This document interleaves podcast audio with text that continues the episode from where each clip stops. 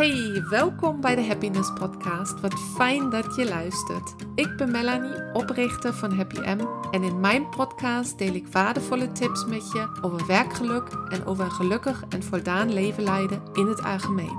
Ook neem ik je regelmatig mee op mijn eigen persoonlijke reis als mens, ondernemer, coach en HR-consultant. Of je nu op zoek bent naar je persoonlijke balans in het leven, of of je je droomleven leidt Maakt helemaal niet uit. Er zit hier voor ieder waardevolle tips tussen. Wil je meer informatie over mij en Happy M? Neem dan een kijkje op mijn website. En je kunt me ook vinden op Insta, Facebook en LinkedIn. Oh, en vergeet je niet mijn podcast te abonneren, zodat je zeker weet dat je geen aflevering mist. En nu wens ik je heel veel luisterplezier en nieuwe inzichten met de Happiness Podcast. is weer vrijdag. En vrijdag betekent een nieuwe aflevering van de Happiness Podcast. En ik ben deze week weer een keertje niet alleen. Ik heb weer een leuk uh, interviewgast, uh, namelijk Nikki van Jaasveld. Welkom, Nikki. Dankjewel, Melanie. Super leuk dat...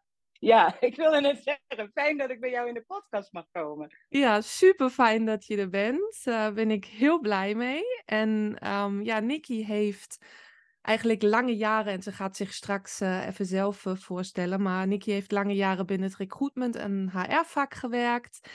En ja, in verschillende functies bij verschillende bedrijven. En heeft nu de stap genomen om voor zichzelf te beginnen. Dus super leuk. Namelijk als trainer en als coach. En uh, ja, binnen het coaching uh, gekozen voor de specialisatie rouw- en verliescoaching. En dat uh, ja, vind ik een een heel interessante, dus daar gaan we het vandaag uh, ja, verder over hebben en wat meer de diepte in. En uh, ja, Nicky en ik, we kennen elkaar uh, uit het verleden. We kennen elkaar al een tijdje, dus we hebben samengewerkt toen we allebei nog in loondienst werkten. Dus ja, superleuk om op deze manier weer contact nu met elkaar te hebben. We hebben tussendoor altijd de een of andere keer contact gehad, maar dit is toch weer even anders. Ja, nogmaals, super fijn dat je er bent. En ik zou zeggen, Nikki, ga je even zelf voorstellen. Wie ben jij? Wat doe jij? Ja, neem de luisteraar even mee in jouw verhaal. Ja, dankjewel. Dank ook voor de introductie. Uh, wij kennen elkaar inderdaad al iets langer. Um, ja, wie ben ik? Nikki, ik ben uh, 49. Uh, dus volgend jaar wordt de Big Five O voor mij. Oh, oh, oh, oh. ja, maar dat is juist heel mooi, denk ik uh, uh, zelf. Uh, ik zeg altijd, ik ben blij dat ik het mag worden. Ik woon in Boskoop. Boskoop is een dorpje, valt onder de gemeente Alphen aan de Rijn. Tussen Alphen aan de Rijn en Gouda ligt het. Daar ben ik ook opgegroeid. En na heel veel omzwervingen ben ik een kleine vier jaar geleden hier weer opnieuw komen wonen. Um, ik woon alleen. Ehm, ik heb wel een uh, relatie. Mijn vriend woont uh, in uh, Brabant, in de buurt van Den Bosch. Dus ik reis nogal veel op en neer. Ik heb zelf geen kinderen. Hij heeft een dochtertje van, van zeven.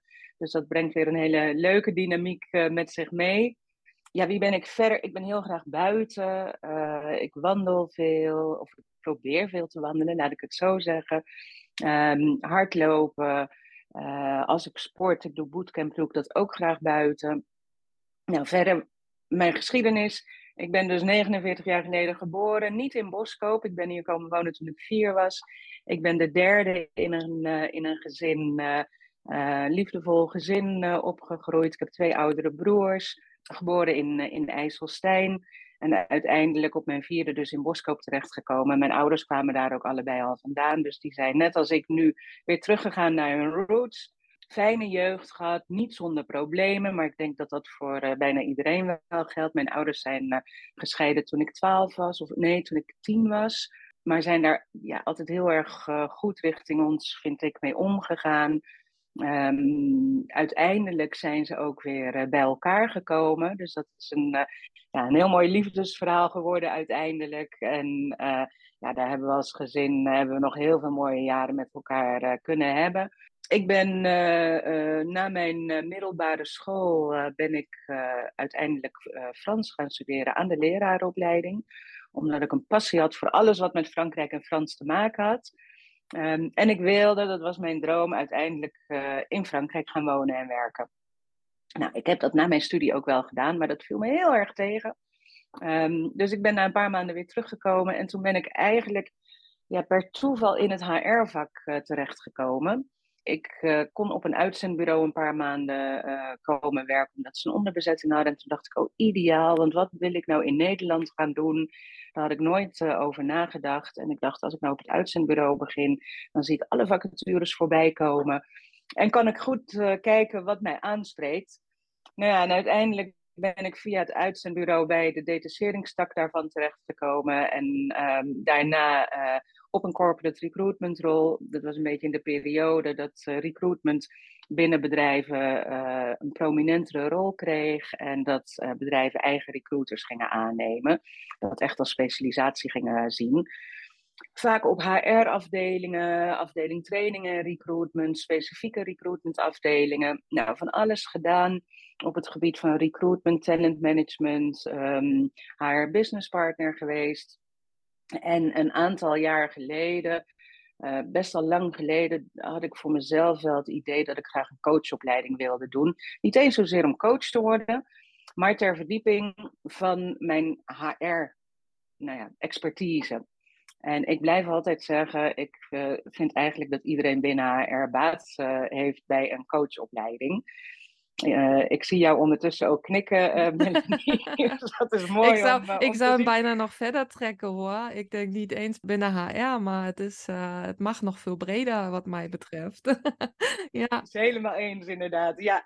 En ik uiteindelijk na een ja, vrij moeilijke periode voor mezelf, maar daar zullen we later ook nog wel op komen, want dan hebben we het ook alweer over rouw en verlies.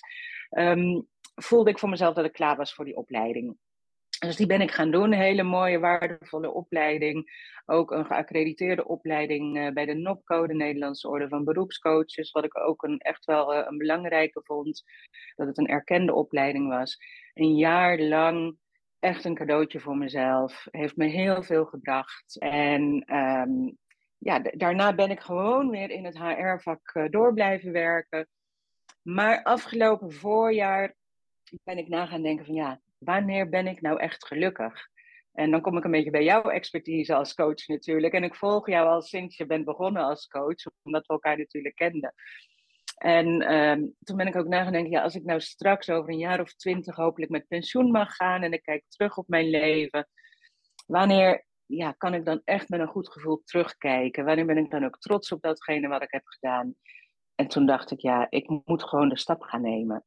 Uh, zo voelde het echt. Ik, uh, uh, ik ga mijn baan opzeggen um, en ik ga mij volledig richten op coaching. daarnaast ook wel wil ik er trainingen bij geven. Um, en bij coaching heb ik tijdens mijn opleiding al, had ik steeds al het idee, ik vind het zo mooi als coach om te onderzoeken hoe je de veerkracht bij iemand naar boven kan krijgen. En uh, toen dacht ik, ja, rouwcoaching vind ik een hele mooie. En rouwcoaching klinkt misschien angstaanwekkend voor veel mensen. Maar iedereen krijgt te maken met rouw. En rouw is heel breed. Uh, rouw gaat niet alleen over het verlies van een dierbare, maar kan ook zijn het verlies van een baan. Het kan zijn het verlies van je gezondheid, je toekomstperspectief. Uh, heel veel. Dus ik noem het ook liever um, ja, of coaching bij, bij verlies en, en tegenslag. Dus ja, daar wil, ik, uh, daar wil ik mij op gaan richten. En ik heb nu sinds 1 november inderdaad, eh, ben ik niet meer in loondienst. Uh, en ben ik druk bezig om mijn eigen praktijk op te zetten. Dus ik sta echt aan het begin. En um, ja, ik, ik ga mij ook nog verdiepen. Ik ga nog een training doen binnenkort op het gebied van, van de coaching bij tegenslag en verlies. En um, ja, ik sta te popelen om om mensen daarin uh, bij te staan in dat proces. Uh, het proces wat er ook mag zijn. Ja, super, super mooi. En uh, ja, heel, heel mooie fase van je leven waar jij nu zelf dan ook weer in zit. Ja. Hè? Dus super, spannend. Ik heb natuurlijk twee jaar geleden ook uh, die stap genomen, mijn baan opgezegd en ja, echt voor mijn passie gekozen. En uh, ja, ik uh, ben er altijd heel blij uit. Ik hoor en zie dat mensen, andere mensen dat ook doen en durven hun, hun haat te volgen. En ja, ik wens je bij deze heel veel succes alvast en dat je heel veel dingen tegenkomt die je gelukkig maken. En het is soms ook uitdagend. Ik heb vandaag weer iets op Insta gepost. Life is a rollercoaster. Het gaat soms. Het, het gaat uh, ja, met, met ups en downs. En dat is hetzelfde met het ondernemerschap. Maar als we maar met z'n allen dicht bij onszelf blijven, dan, dan uh, komt het denk ik uh, helemaal goed aan het, aan het einde van de rit. Superleuk. Um, Dank je wel, Nikki, voor je, voor je introductie. Ja, ik zou je eigenlijk willen vragen. Kijk, je, je zei net al, hè, verlies, rouwcoaching of coaching bij tegenslagen. Daar kom je niet, niet zomaar uh, bij dit onderwerp. Dus zou je mij en de luisteraar even willen meenemen? Waarom heb je gekozen voor, voor dit onderwerp? Om je daar verder in te, te verdiepen en in te specialiseren? Ja, uiteraard. En um, dat is ook wel wat ik heel veel terugkrijg nu. Als ik mensen vertel wat ik ga doen, uh, welke beslissing ik heb genomen, krijg ik heel vaak de vraag van mensen: Jeetje, hoe kom je bij uh, deze uh, specialisatie, dit onderwerp op het gebied van coaching? dat is zwaar en moeilijk. en sommige mensen nemen zelfs het woord angstig in hun mond. Dat is nou net de reden waarom ik denk: er valt nog zoveel te winnen op dit gebied. Wat ik net al zei, iedereen krijgt te maken in zijn leven met tegenslagen, met verdriet, met rouw. Um, zelf heb ik dat ook ervaren. En dat is denk ik ook wel mede uh, waarom ik nu hiervoor kies. Um, en natuurlijk kan je niet alleen ervaringsdeskundige zijn um, om mensen te helpen. Maar goed, daarom heb ik ook ja, een coachopleiding uh, als achtergrond. Dus daar, ik, ik, heb tools in handen naast mijn eigen ervaringen. Ja, en mijn eigen ervaringen, wat zijn die? Uh, want niet iedereen heeft behoefte aan een coach bij tegenslag. Maar het kan best zijn als je het heel erg moeilijk vindt om over je verdriet te praten. Of als er meerdere rouwprocessen lopen Um, dat je daar wel behoefte aan hebt. En dat is bij mij het geval geweest een aantal jaar geleden, nog voordat ik de coachopleiding heb gedaan. Eigenlijk ging alles goed. Ik, ik had echt een fijn leven. Um, ik, ik zat in een, in een uh, stabiele relatie. Um, ik had een fijne baan, uh, nou ja, liefdevolle ouders, uh, daar ook goed contact mee, fijne vrienden. En uh, het begon eigenlijk allemaal eind 2015. Uh, mijn vader werd ziek. Um, en we wisten eigenlijk ook meteen, hij gaat niet meer beter worden. Hij kreeg de diagnose uitgezaaide melanoomkanker. Um, er was wellicht nog iets mogelijk om, om iets te rekken. Maar we wisten wel, hij gaat niet meer beter worden. Dus dan start er meteen een rouwproces. Natuurlijk vooral voor mijn vader, die afscheid moest gaan nemen van zijn leven. Um, en dat is iets waar je als kind uiteindelijk allemaal wel mee te maken gaat krijgen, het verlies van je vader. Dus dat was voor mij niet eens zozeer een, een heel diepgaand rouwproces in het begin. Maar goed, dat was oktober 2015 werd dat bekend. Um, en uh, in januari 2016 moest ik zelf naar het ziekenhuis voor een onderzoek omdat ik wat klachten had. En in februari uh, kwam ik in het ziekenhuis voor de uitslag. En toen uh, kwam eigenlijk volledig uit het niets bij mij ook de diagnose kanker. En dat was echt een heel heftig moment voor mij. Ik weet ook nog dat mijn eerste reactie was richting mijn toenmalige partner: hoe ga ik mijn ouders dit vertellen? Want die zaten al in zo'n zwaar traject uh, dat ik dacht: hoe gaan ze dit erbij kunnen krijgen? Nou ja, vervolgens ik ging dat traject in, ik moest geopereerd worden en gelukkig was het bij mij niet uitgezaaid. En um, ja, twee operaties verder uh, kreeg ik de verlossen, het verlossende bericht dat ik, zoals ze dat noemen, schoon was. Ik weet nog dat ik op dat moment natuurlijk van heel veel mensen reacties kreeg van nou wat fijn en de, dit kun je achter je laten. En ook opmerkingen, nou heel fijn, nu genieten van de zomer. En toen dacht ik, nu genieten van de zomer. de, ja, hoe, hoe dan? Ehm, er was nog zoveel voor mezelf om, nou ja, om doorheen te gaan. Mijn vader was nog ziek. Uh, ik kreeg het bericht dat ik schoon was. En mijn vader kreeg eigenlijk in diezelfde periode, in diezelfde maand, het bericht dat er echt niks meer te doen was voor hem. Um, dus dat hij hooguit nog een paar maanden te leven zou hebben. Daarnaast liep dit hele proces van mij, kwam aan het licht omdat ik uh, met mijn partner nog bezig was. We hadden nog een kinderwens. En wij stonden aan het begin van een IVF-traject, wat we op moesten schorten vanwege mijn kanker. Um, nou, daar konden we wel mee aan de gang uh, nadat ik schoon was verklaard. Maar uiteindelijk bleek in, in augustus hadden wij de eerste afspraak uh, daarvoor in het ziekenhuis. En dat was twee dagen nadat mijn vader was overleden. Dus dan zit je in het ziekenhuis um, met enerzijds nog een, een heel traject van jezelf waar je doorheen aan het gaan bent emotioneel. Je vader die net uh, uh, overleden is. En zelf op dat moment aan de vooravond staat van een traject wat je hopelijk heel veel moois gaat brengen. En dat valt bijna niet te rijmen met elkaar. Nou, we zijn daar wel mee gestart, stonden we ook volledig achter. Um, maar uiteindelijk heb ik gemerkt, het is ook niet gelukt, die, die IVF-pogingen zijn niet gelukt. En achteraf kan ik ook wel zeggen dat dat ook niet zo vreemd is. Want mijn lichaam stond stijf, letterlijk en figuurlijk, van het verdriet en van de rouw. En ik had hele andere dingen waar ik mee bezig was dan wellicht een kindje krijgen. Want uh, ik moest het vertrouwen in mijn lichaam terugkrijgen. En ik was mijn vader verloren.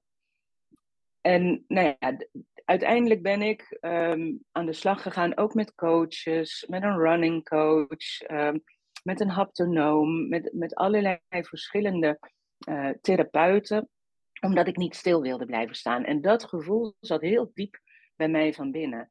Ik wilde niet achterom kijken. Ja, ik wilde achterom kijken om om te kunnen gaan met mijn verliezen. Maar ik wilde vooral kijken naar wat ik wel had. En hoe kon ik nou die ervaringen die ik had verweven in mijn leven. Um, en mijn leven op die manier ook weer mooier maken. En dat is wat ik iedereen zo gun. Um, het verlies wat je ervaart, hoef je niet weg te stoppen. Maar dat, uh, het, het, is een kunst om dat te verweven in je leven. En op die manier uh, weer door te gaan met je leven. Zonder dat je iemand vergeet of een periode in je, in je leven vergeet. Want je hoeft het niet te vergeten. Uh, het zal altijd bij je blijven. Dus misschien een, een vrij lang antwoord.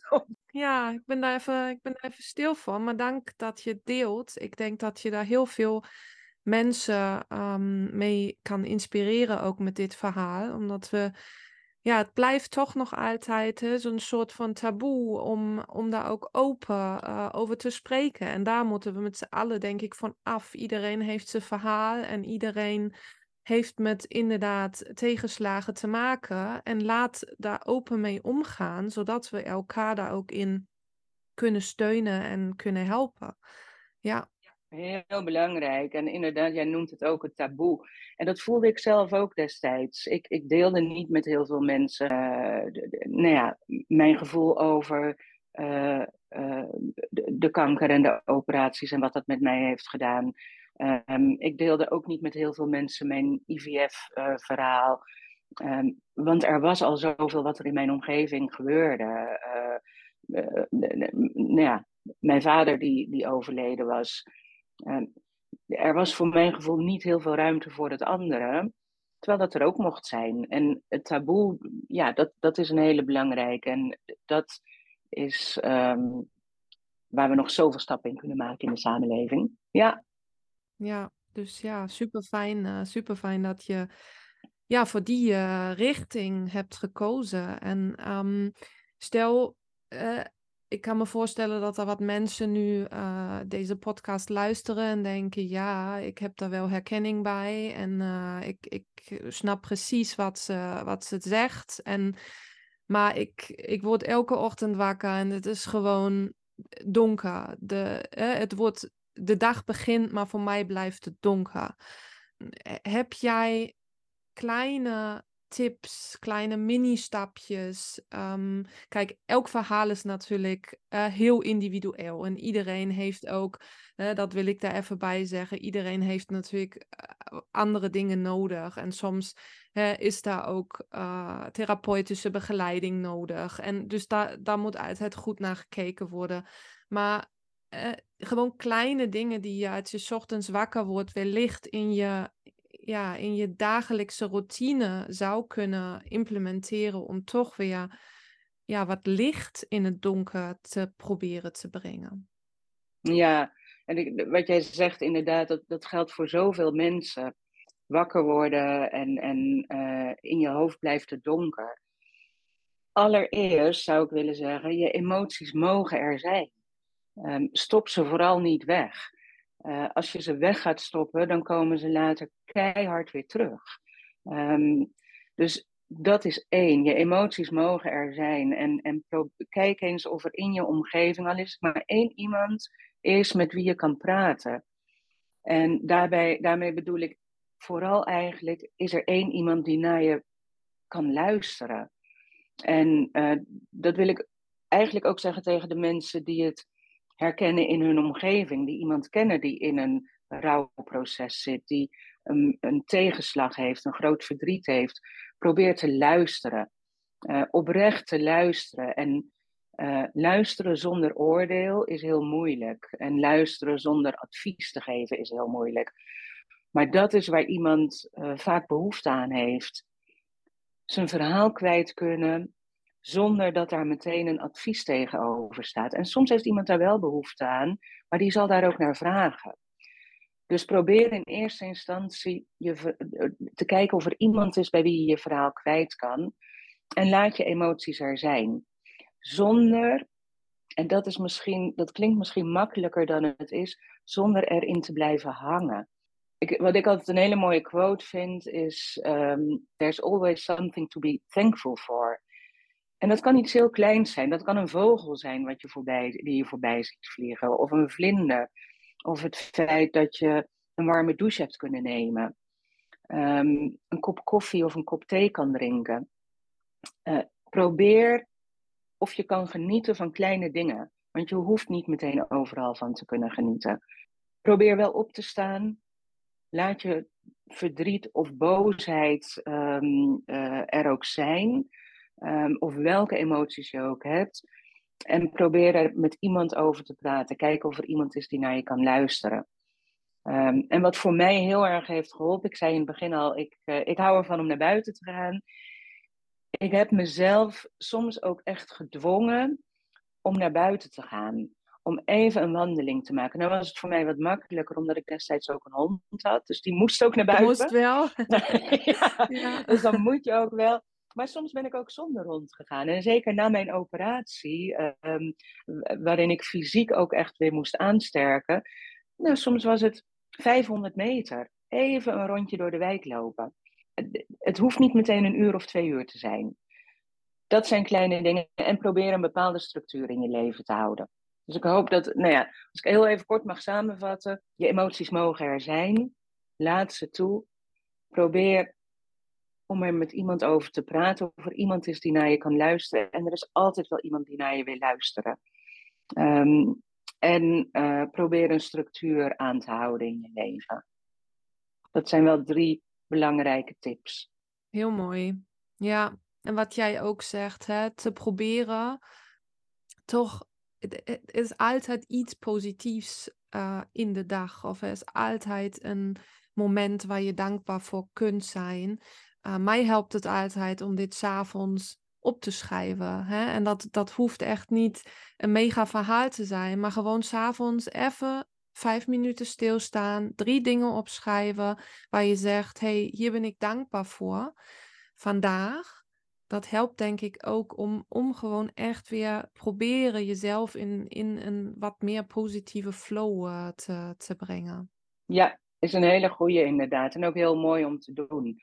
En um, jij, jij zegt dan nu drie dingen. Mocht je dat moeilijk vinden in het begin, als je echt in zo'n zo'n heel groot proces zit, heel zwaar proces van verlies, kan het ook één ding zijn om mee te beginnen. En bouw het dan uit als je op een gegeven moment denkt: hé, hey, er zijn twee dingen waar ik vandaag dankbaar voor ben geweest. Want langzaam ga je dan ook zien dat er inderdaad wel kleine dingetjes zijn waar je dankbaar voor bent. Ja, ja zeker. Heel mooi. Hoe werkt dat? stel ik uh, zeg, hey, ik, ik merk dat ik uh, ja, met, een, met een rouwproces of eigenlijk in een rouwproces zit en daar wat begeleiding nodig heb en wat, wat um, hulp nodig heb hoe kunnen mensen bij jou terecht en hoe werkt uh, zo'n sessie dan of zo'n traject dan? Hè, ook, ook daar kan ik me natuurlijk voorstellen, ik ben zelf coach, dus het is maatwerk, snap ik ook. Maar hè, uh, mensen die nog nooit met coaching te maken hebben gehad, wat mogen zij verwachten? Uit zij zeggen, hey, ik hoorde dat Nikki um, daar gespecialiseerd in is, ik heb behoefte aan iemand die met me meedenkt. Hoe werkt dat dan? Hele goede vraag. En inderdaad, het is maatwerk. Maar binnen dat maatwerk zijn er, is er natuurlijk wel een bepaalde rode draad waar we aan vasthouden binnen coaching.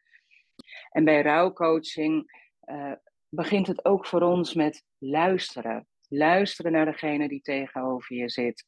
Om enerzijds te achterhalen waar loopt deze persoon nou precies tegenaan uh, in zijn leven in welke fase van rouw zit iemand? Want rouw kent zoveel verschillende fases. En iemand die in uh, de fase zit waarin heel veel boosheid zit, daar, uh, ja, daar, daar bespreek je andere dingen mee, dan ga je anders mee aan de slag dan iemand die um, in de ontkenningsfase zit. Dus als coach probeer je allereerst door te luisteren te kijken in welke fase zit iemand en um, herkent iemand dat uiteindelijk ook. En dan ga je met elkaar kijken, wat voelt goed voor zo iemand? Um, vaak zijn er inderdaad meerdere uh, gesprekken nodig. En ga ik het liefst ook een, uh, een traject aan in plaats van losse sessies. Uh, maar goed, dat, dat is afhankelijk van de behoeften die iemand heeft. Ja, dan gaan we onderzoeken uh, waar liggen de oorzaken, maar ook waar liggen de kansen en de mogelijkheden. Zijn er dingen uit het verleden die een impact hebben op dat rouwproces, uh, uh, waar niet eerder bij stilgestaan is? Maar vooral wil ik kijken naar toch die positieve punten. Hoe gaan we ervoor zorgen dat die persoon weer open staat voor de mooie dingen in het leven? En hoe gaan we ervoor zorgen dat dat verdriet wat iemand heeft geïntegreerd kan worden in het leven. Je hoeft het echt niet af te sluiten, maar een manier vinden om ermee om te gaan.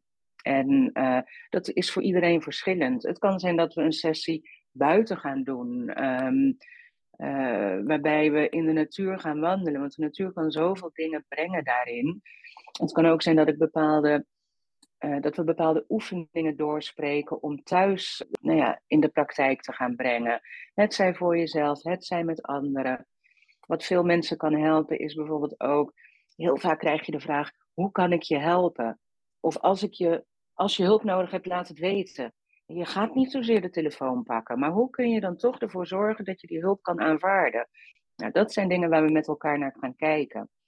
Uh, dus echt kijken om stap voor stap um, met het verdriet om te gaan en weer uh, de energie te krijgen om positiever in het leven te staan en het leven weer aan te kunnen. Die veerkracht bij jou naar boven te krijgen. Ja, en super belangrijk wat jij aangeeft. Hè? We gaan samen kijken hoe, ja, hoe, hoe dit een plekje te geven in je leven. En, en het niet, je hoeft het niet af te sluiten. Ik denk dat dat voor heel veel mensen um, heel belangrijk is om te horen ook. Hè? Omdat je hoort natuurlijk soms om je heen van nou en uh, ja, door de jaren heen en het wordt beter en het wordt makkelijker en hè, het komt weer goed, maar het komt niet goed. Dus, sommige dingen komen nooit sommige meer dingen, goed. Sommige dingen Nee. komen niet goed, dus we moeten wel leren om daarmee uh, om te gaan en hoe verder te leven. En ja, dus ik, ja, ik vind het heel mooi wat je, wat je zegt. En daar, maar als ik daar een kleine toevoeging op mag doen, inderdaad, sommige dingen komen niet meer goed, maar dat hoeft niet te betekenen dat je leven stil blijft staan en dat je leven niet meer goed komt. Um, en, en dat is waar ik naar wil kijken met mensen. Heel fijn. Dankjewel, Nikki. Ik kijk een beetje naar de tijd. Ja. het is, uh, tijd gaat altijd uh, zo snel tijdens deze gesprekken. Um, heel waardevol uh, wat, jij, wat jij met ons deelt. Um, ik stel elke interviewgast aan het einde van mijn gesprekken dezelfde vragen. En die zou ik dus ook graag aan jou willen stellen. En de eerste vraag is, hè, en dat sluit mooi aan bij het, het, hoe, er zijn sommige dingen die niet meer goed komen, maar het hoeft niet zo te zijn dat het leven uh, niet meer mooi is of niet meer goed komt, uh, of jouw leven niet meer, niet meer goed komt. En dus de vraag is, wat betekent gelukkig zijn voor jou? Ja, dat is een hele mooie vraag. Ik heb hem natuurlijk in een van je eerdere podcasts ook voorbij horen komen. Dus ik heb me er een beetje, ja, ik heb me er een beetje op kunnen voorbereiden. Um, en ja, ik vind het een hele mooie vraag. Wel een hele brede vraag. Want gelukkig zijn kan heel veel dingen betekenen. Ik vind het natuurlijk, uh, ik noem het natuurlijk, ook vanwege wat ik heb meegemaakt. Gezond zijn vind ik een hele belangrijke in het gelukkig zijn. Uh, maar als ik echt even iets dieper ga kijken, dan vind ik het vooral belangrijk. Um, dan betekent gelukkig zijn voor mij dat ik de de veerkracht heb, de ruimte heb om um, om te gaan met datgene wat er op mijn pad komt. Of dat nou positief of, uh, nou ja, of negatief is, of me dat nou verdriet doet, of dat ik daar heel erg blij van word. Maar dat ik de veerkracht heb om daarmee om te gaan en dat ook toe te mogen laten van mezelf. Um, en om dat te verweven in mijn leven. Ja, dat, en dat heb ik ook echt wel gemerkt in de afgelopen jaren. Ik heb ook uh, nou ja, uiteindelijk een, een, paar jaar geleden ook mijn relatie na 17 jaar verbroken. Um, wat een, een, hele moeilijke beslissing was. Um, maar heb ik ook gedaan voor me, of met name gedaan voor mezelf. Omdat ik merkte dat ik uh, uh, zelf de behoefte had om door te gaan in mijn leven. En daarvoor de beslissing moest nemen om dat alleen te gaan doen. Nou ja, de veerkracht hebben om, om dat soort beslissingen te nemen, om te kiezen voor je eigen geluk. En dat klinkt misschien voor mensen egoïstisch, maar als je zelf gelukkig bent, dan kun je, ook, kun je er ook zijn voor de mensen om je heen. En kun je ook genieten met de mensen om je heen. Want als je zelf niet gelukkig bent, kun je je geluk ook niet delen met anderen. En kunnen anderen hun geluk ook niet met jou delen. Dus die veerkracht, dat vind ik een hele belangrijke in, uh, in gelukkig zijn. Heel mooi. en je hebt het net over, over keuzes uh, maken gehad. Hè? Um, dus dat brengt ons heel mooi naar de tweede vraag. Als je een belangrijke keuze moet maken, waar luister je het meeste naar? Naar je verstand of naar je gevoel? Ja, ook weer zo'n vraag waar je heel lang over na kan denken. in je hoofd. Natuurlijk heel erg in je, in je hoofd. ja. En ik heb daar ook inderdaad, want ja, ook deze heb ik natuurlijk voorbij horen komen. Um, ik heb heel lang geluisterd naar mijn verstand en mijn gevoel afgesloten. Totdat ik merkte, en dat is met name ook in mijn coachopleiding gekomen, daar heb ik echt die muur ook afgebrokkeld. Uh, dat mijn gevoel, dat mijn hart moet spreken om een beslissing te kunnen nemen. Uh, dus ik, dat betekent niet dat ik een snel een ondoordachte keuze zal maken. Maar ik volg in eerste instantie mijn hart. Voelt het goed? En als het goed voelt, dan volgt mijn verstand. Dan ga ik nadenken, is het ook een verstandige keuze? Of uh, ga ik mezelf hiermee in de problemen werken of andere mensen? Uh, dus in eerste instantie is het altijd mijn gevoel, dat moet kloppen. En als dat klopt, gaat er wel nog eventjes uh, het verstand overheen. Heel mooi. ja. ja. Um, en de derde vraag, wat wil jij de luisteraars nog meegeven vandaag? Ja, dan kom ik toch weer terug op iedereen heeft het vermogen in zich om het leven aan te kunnen, om, om daar weer stappen in te zetten. Um, en voor de een is het echt moeilijker dan voor de ander. Dat zal, ik zal echt niet zeggen dat het makkelijk is. En de een heeft voldoende aan praten met zijn omgeving. Um, de ander heeft behoefte aan een coach en weer een ander uh, heeft meer hulp nodig. Laat dat ook toe.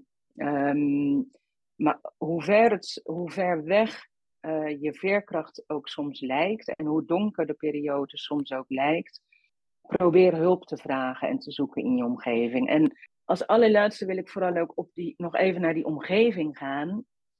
Probeer er te zijn voor mensen die het moeilijk hebben, die verdriet hebben, die een rouwproces hebben. Kan heel praktisch zijn. Het welbekende pannetje soep brengen. Ehm, ik weet nog toen mijn vader was overleden, dat, dat wij vanuit de familie. Uh, dat er iemand kwam met een heerlijke maaltijd, dat we zelf niet hoefden te koken. Je hebt zoveel wat je moet doen. Rouwen is echt hard werken. Ehm, en ook toen ik ziek was uh, en, en in mijn herstelproces, mensen die af en toe inderdaad iets te eten kwamen brengen. En luister naar de mensen om je heen. Probeer er te zijn voor de mensen om je heen. Met een, met een beetje liefde uh, kun je heel veel betekenen voor iemand. En een beetje aandacht. Heel mooi uh, zeg je dat. Een heel mooie afsluiten. Ook, kijk, we, we gaan nu het, de donkere tijd van het jaar in, hè, of we zitten daar middenin. Het is grijs buiten, het is veel uh, donker. We komen, de kerstdagen komen eraan, oude nieuw komt eraan. Dus dat kan natuurlijk juist voor mensen die, ja, die aan het rouwen zijn, die in een rouwproces zitten, die, die met tegenslag hebben te dealen, een heel eenzame, extra eenzame tijd zijn. Dus ik vind het een heel mooie dat ze zegt. Um, ja, laat even goed op elkaar letten. Uh, geef elkaar de aandacht. En uh, wees lief tegen, tegen elkaar. En uh, spread some extra love. Dankjewel, Nikki. Ik, ik vond het een heel mooi gesprek. Ik, um, ik zou sowieso in de show notes van deze podcast jouw Instagram-link uh, delen naar je, naar je profiel en je LinkedIn-link. Uh, en um, dus uh, Insta is volgens mij coaching bij Nick, toch? En, in, en, LinkedIn is dan Nicky van Jaasveld. En volgens mij is daar ook een website in the making. Dus ja, daar ben ik inderdaad hard mee bezig. Dus ik hoop dat die op korte termijn uh, live zal zijn. Nou, en als je mij gaat volgen op Instagram of LinkedIn, dan zal ik dat daar zeker kenbaar maken. Um, zoals we aan het begin al zeiden, ik, uh, ik, heb net, uh, ik ben net begonnen met alles opzetten. Dus nog niet alles is, is klaar. Maar de bedoeling is wel dat dat voor het einde van het jaar dat alles staat. Nogmaals, super bedankt, lieve Nikki. We houden zeker contact. En uh, ja, echt heel erg bedankt dat je in mijn podcast jouw verhaal hebt verteld. Ik denk dat je oprecht heel veel mensen kan uh, inspireren. Laat samen de taboes uh, doorbreken en laat open over dit soort dingen spreken. Ik denk dat we met dit soort podcasts ook ons steentje aan kunnen bijdragen. En eh, ja, nogmaals super bedankt. En ik uh, zeg, lieve luisteraars, tot de volgende keer bij de Happiness Podcast. Doei! En dat was weer een aflevering van de Happiness Podcast. Heb je vragen of feedback voor me? Of ideeën voor onderwerpen die je graag in mijn podcast zou willen horen? Stuur me dan een e-mail naar melanie.happym.eu of stuur me een bericht via Insta of LinkedIn.